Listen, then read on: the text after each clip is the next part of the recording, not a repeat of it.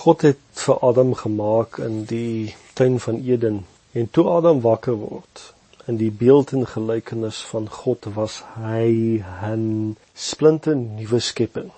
Hy was 'n nuwe skepping want hy was nuut, hy was oorspronklik en hy was vry na aanleiding van sy skepingsdoel.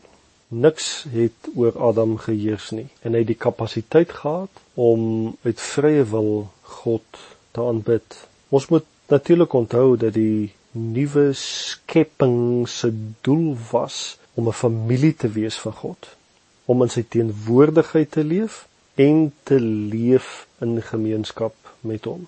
Met die sondeval het die mens sy regte en sy mandaat van sy gees weggegee en donkerte het beheer geneem in sy lewe. Die mens was nie meer vry gewees of 'n nuwe skepsel nie. Die mens was 'n gefalle skepsel.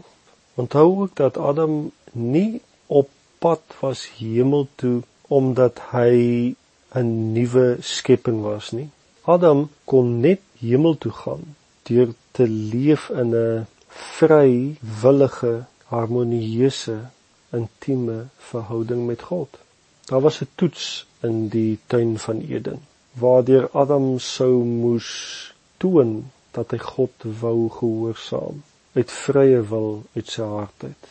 Nou vir die mens om weer gemeenskap met God te hê, het God die mens kan ek so sê terug herstel na 'n nuwe skepping. Die mens kan nie God se teenwoordigheid betree as hy nie skuldvry is nie, as hy nie 'n nuwe skepsel is nie. En dit is waaroor die hele nuwe verbond gaan. In Christus Jesus het God die mens totaal en al herstel tot sy oorspronklike ontwerp in die gees sodat die mens weer die geleentheid kan hê om te besluit of hy of sy in verhouding met God wil tree. Ons is so geneig om die Bybel te lees vanuit die mense handelinge en die mense mislukking, die mense sonde en ons ervaring rondom ons dat ons nie duidelik sien wat die Bybel sê oor die nuwe skepping nie. 'n Gedeelte in die Bybel wat dit seker die beste verduidelik is Efesiërs 2 van vers 11 tot 18. Daarom onthou dat julle wat vroeër heidene in die vlees was en onbesnedenis genoem word deur die sogenaamde besnydenis wat in die vlees met hande verrig word. Dat julle in die tyd sonder Christus was vervreemd van die burgerskap van Israel en vreemdelinge ten aansien van die verbonde van die belofte sonder hoop en sonder God in die wêreld. Maar nou in Christus Jesus het julle wat vroeër ver was naby gekom deur die bloed van Christus.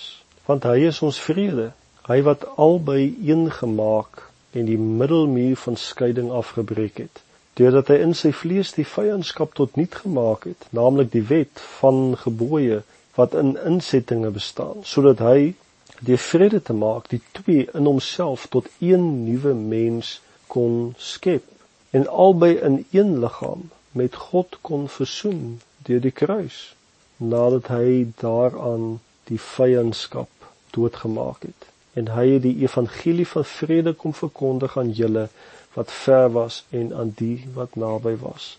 Want deur hom het ons albei die toegang deur een gees tot die Vader